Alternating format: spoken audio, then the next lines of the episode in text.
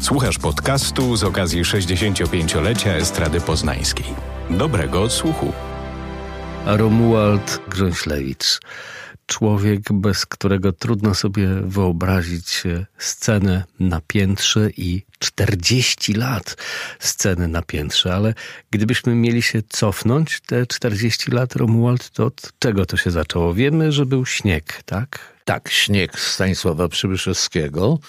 To była pierwsza premiera w reżyserii Marka Wilewskiego z udziałem Grażyny Barszczewskiej, Barbary Wrzesińskiej, Leszka Teleszyńskiego i Ryszarda Barycza pod logo z pisownią, z afiszem Scena na piętrze. 27 marca, nomen omen, Dzień Teatru, w 1979 roku. Ojców podejrzewam jest wielu. Sukces ma wielu ojców, a sierota, sierotą jest klęska.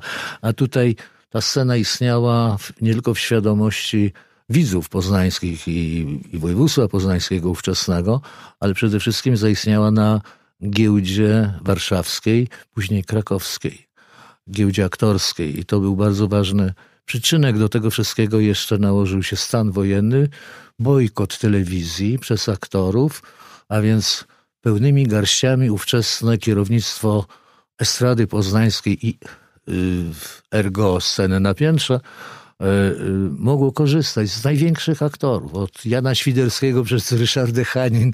Naprawdę to paleta nieprawdopodobnych aktorów i aktorek. I niezależnie od tego, jak ta scena się konfigurowała w sensie układu do amfiteatralnego, jak jest, jak jest obecnie, ale tam, był, tam była ta scena na, jak określał to Andrzej Wituski, były prezydent miasta Poznania, jeden z współzałożycieli Fundacji Sceny na Piętrze. Jeden z tak, tak. bardziej znamienitych tak, mecenasów cudowny, kultury. wspaniały człowiek. I on wówczas e, e, powiedział coś takiego, że e, w tym teatrze aktor jest na odległość oddechu, myśląc o kameralności tej sali. I te emocje, te, te wszystkie magiczne strony teatru, czyli prze, przepływ energii ze sceny do widza i z powrotem oddana ta energia aktorom, ona jest wyjątkowa. Ona jest wyjątkowa. To jest sala pod względem ekonomicznym, niestety, bo jest za mało miejsc. A trudno robić w dzisiejszych czasach, czy w ogóle drogie bilety. Natomiast jest to taki klimat, gdzie aktorzy, którzy przyjeżdżają po raz pierwszy, oni się w tym miejscu zakochują. Jest to bardzo wymagające dla aktorów, którzy są przyzwyczajeni do tego, że no jednak jest jakaś odległość. Rampa, odległość. że rampa ich Mhm. dzieli, prawda?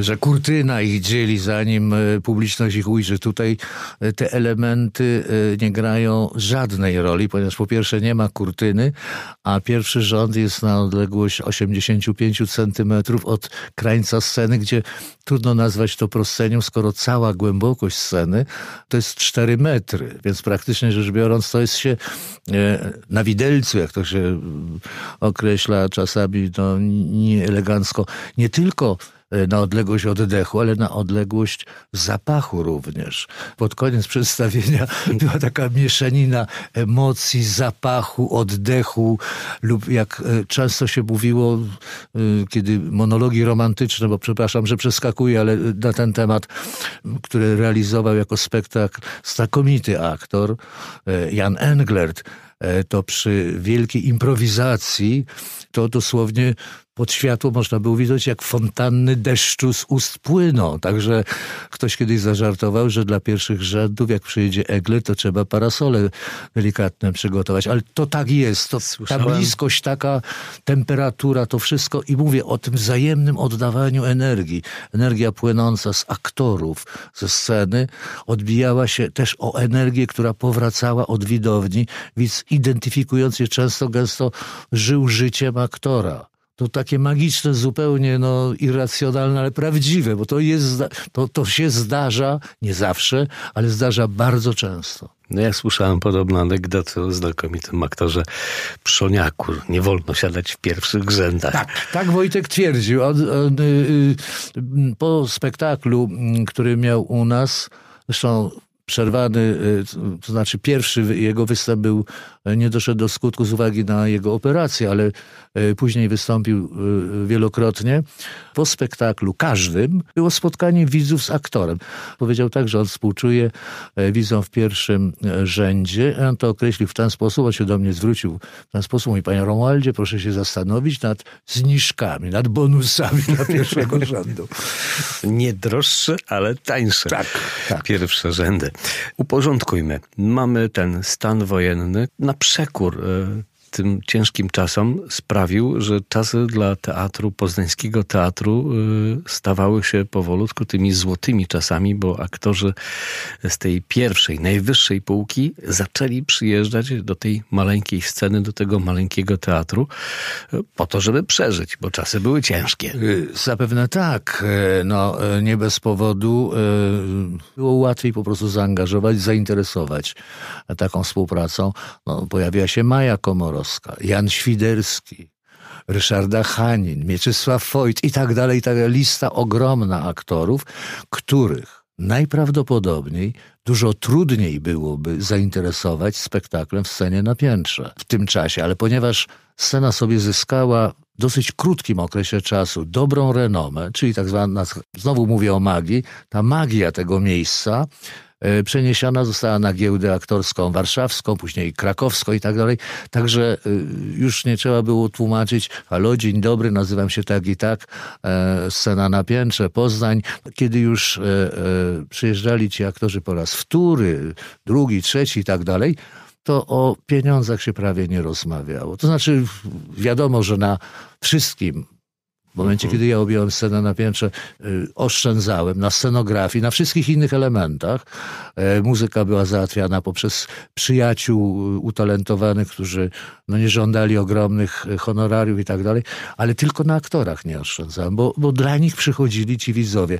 A oni z kolei, widząc atmosferę, taką fantastyczną, rodzinną atmosferę tych spotkań, każdorazowo po spektaklu, gdzie już jak byli po raz drugi, po raz trzeci, to witano się Ludzie się witali ze sobą, oni się rozpoznawali z aktorami. Oni już nie byli obcy, to już nie był pani lub pan z ekranu telewizyjnego. Do lat 90. twoich lat za chwileczkę przejdziemy, ale dla mnie druga połowa lat 80. to są moje studia i e, to są spektakle, gdzie ja po raz pierwszy mogłem e, zobaczyć e, Wilhelmiego, gdzie mogłem zobaczyć Englerta, gdzie mogłem zobaczyć Dziewońskiego.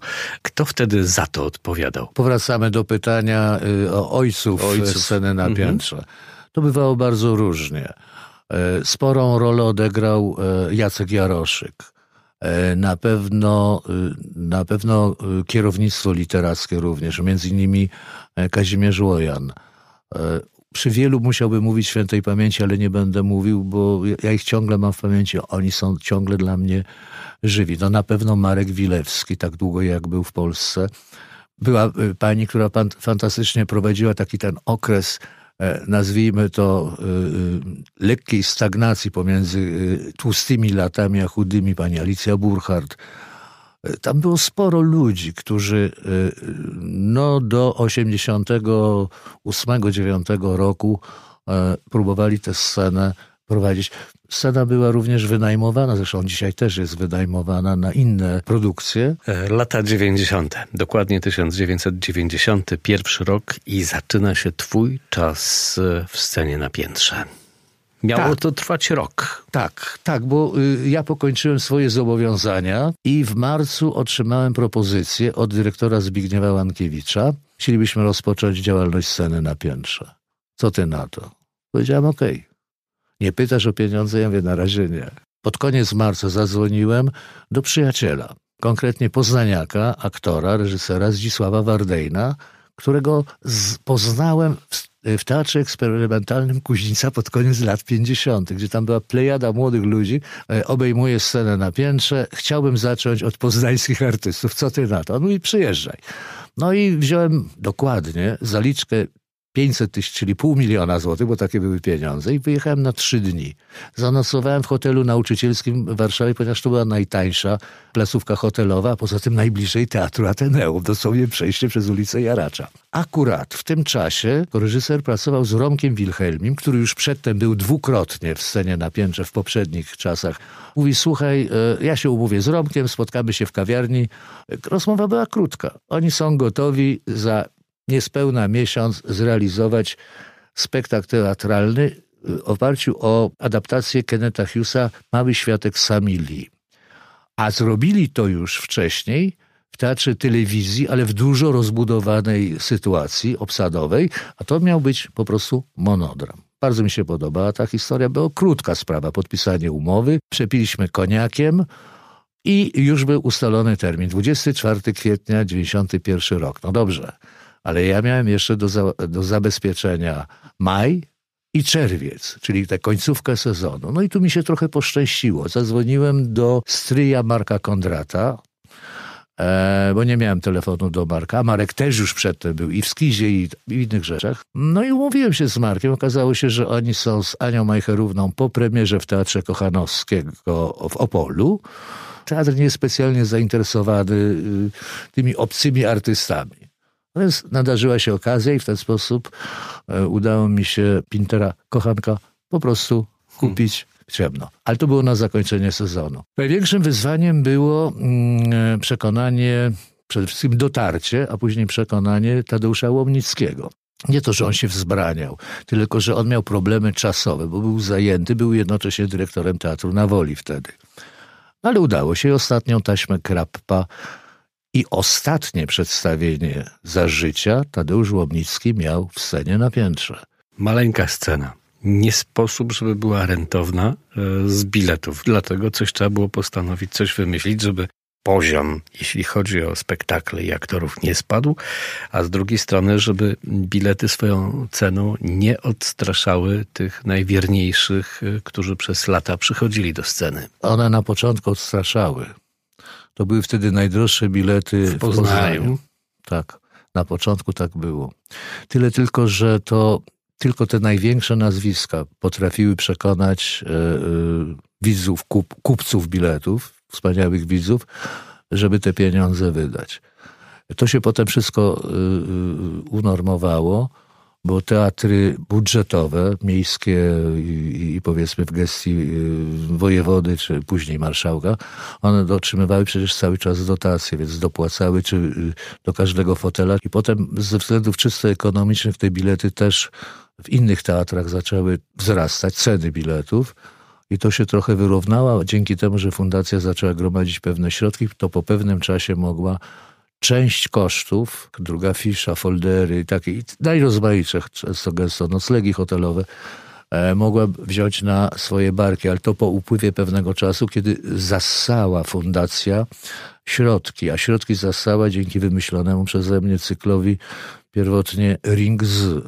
To było 50 programów i tam znowu można było gwiazdy ściągać, ponieważ do tego natychmiast się przyłączyli sponsorzy, bo weszła w to i telewizja, i radio, i prasa.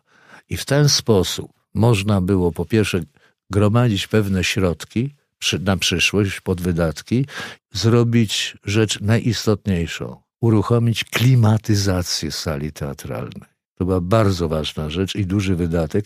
I już mieliśmy pieniądze, które były potrzebne, a okazało się, że ponieważ to była aparatura austriacka, więc w dolarach była kupowana przez tą firmę, później można było przeprowadzić rewitalizację sali teatralnej, czyli znacznie ją podnieść i wprowadzić zamiast tych starych, wysłużonych, składanych krzeseł fotele ergonomiczne z oddychającą tkaniną, też austriacką nawiasem mówiąc. Później oczywiście powstał pomysł otwarcia konkursu dramaturgicznego TESPIS 97, 2000 i 2004. Dzięki tym konkursom nie tylko z Polski napływały prace, dzięki temu pozyskiwaliśmy materiały do realizacji, zarówno w kategorii monodram dla radia, to cała historia, tak, na z Kasią to... Grocholą, ale też i dla, dla teatru i w ten sposób pozys- po, udało nam się pozyskać i poznać przede wszystkim wielu bardzo interesujących autorów e, dramaturgów. W którym momencie e, bardziej musiałeś się skupiać na wykreowaniu samego spektaklu, e, niż opieraniu się tylko i wyłącznie na nazwiskach? Czasy się zmieniły po prostu. tak, czasy się zmieniły brutalnie rzecz biorąc, no biologia, gwiazdy też niestety się starzeją. Znaczy, nabierają patyny, może tak będzie łatwiej. Dalej są atrakcją, natomiast e, no niestety sporo z nie, poza może Grażyną Barszewską i paroma innymi, żeby była pełna jasność, jak Basia Wrzesińska, że po prostu no już były mniej mobilne. To po pierwsze. A po drugie, sięganie po nieznanych aktorów, ale świetnych, których mogłem obejrzeć, czy to w teatrze w Lublinie, czy we Wrocławiu, czy w, czy w Poznaniu. E, dochodziło e, do tego, że proponowaliśmy w kolejnych realizacjach, e, no na przykład nasze prapremierowe zdarzenia z konkursu albo z zakupu, no na przykład Agnieszce Różańskiej znakomitej aktorce. Związanej z Teatrem Nowym. Związanej dzisiaj z dwoma teatrami, no tak. z Teatrem Nowym i z Teatrem Muzycznym. Ale, ale y, i to ona uczestniczyła w naszych przedsięwzięciach w szeregu różnych rzeczy. Na początku w ringach jako przerywnik wokalny. Później już y, y, ze Zbyszkiem Górnym zrobiła swój benefis. Moim głębokim przekonaniem to jest ciągle i jeszcze dziewczyna, która powinna zrobić taki strzał, bo mnie się wydaje, że, że no, w, w, serialu Miodowe Lata grała, ona grała, pojawiała się, była też telewizyjną postacią, ale, ale ja sądzę, że jeszcze jej czas powinien nadejść i ona wtedy naprawdę wystrzeli, bo to jest naprawdę znakomita aktorka i to wszechstronna. Jesteś jedną z tych osób, które sprawiły, że e, dla wielu poznaniaków e, poniedziałek stał się niedzielą. O! Dziękujemy bardzo. To ja dziękuję. To był podcast na 65-lecie Estrady Poznańskiej. Więcej na estrada.poznan.pl